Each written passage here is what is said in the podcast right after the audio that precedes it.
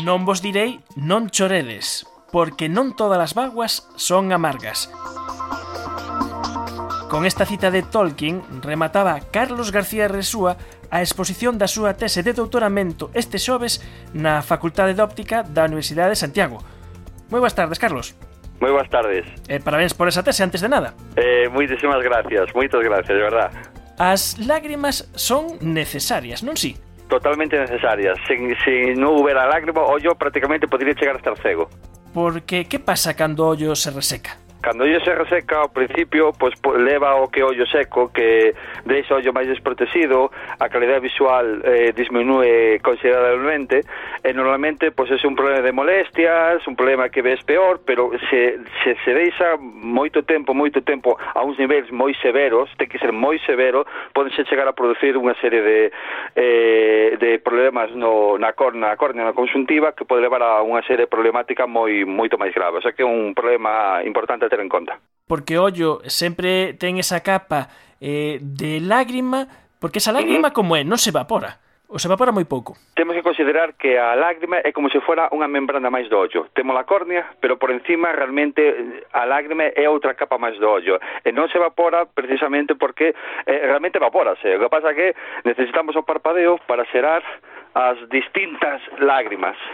E na túa tese de doutoramento o que fixestes é eh, estudar como é a diagnose da chamada síndrome do ollo seco, porque esta síndrome en principio non é moi doado de diagnosticar eh, eh de forma totalmente objetiva, porque como se fai actualmente? Se empregan uns cuestionarios, non? Ajá é que o problema principal que tengo yo seco é que é unha enfermedad multifactorial, e que pode ser por moitas causas, ou, ou pode haber eh, un, unha causa específica que te ocasione, eh, moitas eh, eh te necesitas unha serie de, de, de técnicas para explorar a que a mellor non poden dar con esa causa específica. E normalmente na clínica, pois na clínica pois suele ser pois unha serie de cuestionarios da sintomatoloxía, eh, ver a, a, a ruptura da película lagrimal, é dicir, contar o tempo que aguanta a, a lágrima estable Mm, paciente eh, o paciente mantendo o ollo sen parpadear para ver canto aguanta. Por exemplo, é un test moi moi moi usado tamén.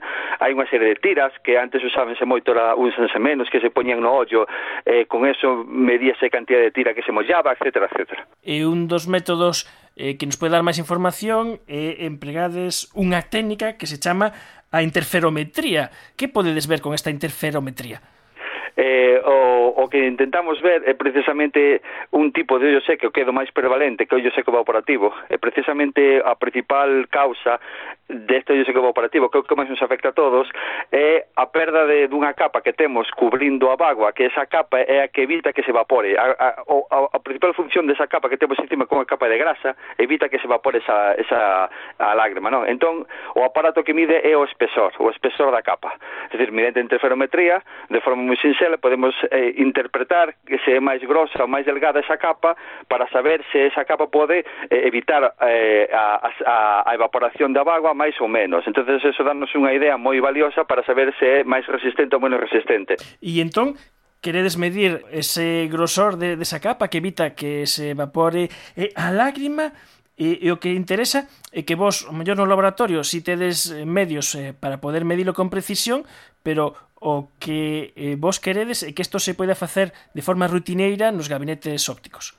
Totalmente, é que a forma de facelo ahora, é dicir, realmente nos non, digamos, o instrumental clínico non, non obtemos eh, datos numéricos, senón é unha apreciación dun patrón e que susceptivamente tes que, digamos, valorar eh, o aspecto e darte ti unha idea, é dicir, non, non, é, non é fácil apreciálo, precisamente esta técnica non moita xente utiliza porque non dá, non dá diagnosticado ben con ela, porque é moi difícil de valorar, entonces non sei que intentamos facer foi axudar esa valoración dunha maneira de poñer unhas claves para que a xente poida entender mellor estes patróns e a súvez foi eh, a, a, digan validar un novo unha nova aplicación informática que o poida facer tamén de forma automática. Eh, precisamente o que facedes é coller a un, a un experto, coñecemento dun experto que sabe diagnosticar perfectamente utilizando esta técnica uh -huh. esa clase de ollo seco e, e comparalo pois con, con outras diagnoses e comparalo tamén contra esa aplicación eh, informática desenvolvida na Universidade da Coruña e ver como funciona. Efectivamente, pola parte, da Universidade da Coruña foi o que diseñou a parte dos algoritmos do, do, desta nova aplicación e nos aportamos a, a parte clínica e, digamos, a idea de, da base da, da técnica, non? Que é unha técnica propia clínica, non? Entón, o que fixemos foi eso, foi a base dun grandísimo experto neste, nesta temática, pois foi o que mm, plantou as bases de, de que de este tipo de patróns. Entonces despois eh, comparouse, non? Se, este, se a, a máquina era capaz de imitar este experto, eh, vimos que cunha bastante aproximación a concordancia pois, en torno ao 90%. Ou seja, que pode ser que eh, eh esta aplicación ou que a máquina ahora funciona ben, que se poida chegar ás ópticas. Bueno, pero hai que facer máis probas porque temos que facer máis test, pero ten, ten moi boas perspectivas.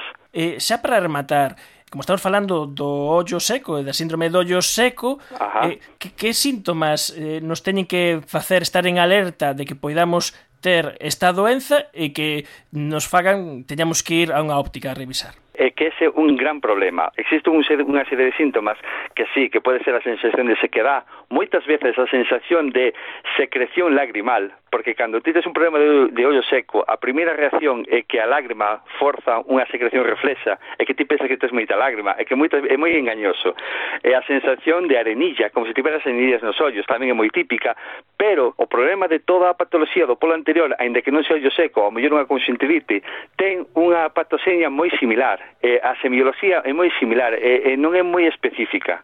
Entonces, mm, podenos, podenos desorientar un pouco. Precisamente os cuestionarios estandarizados preguntan a sintomatoloxía e ademais unha serie de cuestións relacionadas con o medio ambiente, a forma de traballo, que tamén nos orienta. A diagnóstico de sei que é moi complexa, eh? E, o estilo de vida pode estar relacionado? Totalmente, totalmente. Horas e horas no. Existe un síndrome de seco moi específico que se chama o síndrome de seco de bioterminais é que a única causa é precisamente esa.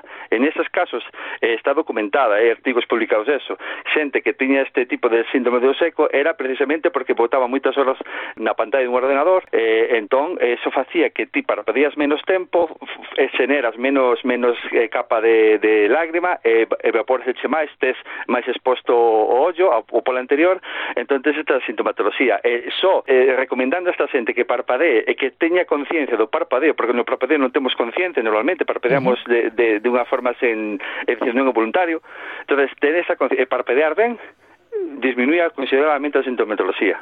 O sea, que neste caso un pestanexar de ollos pode ser a solución. Básico.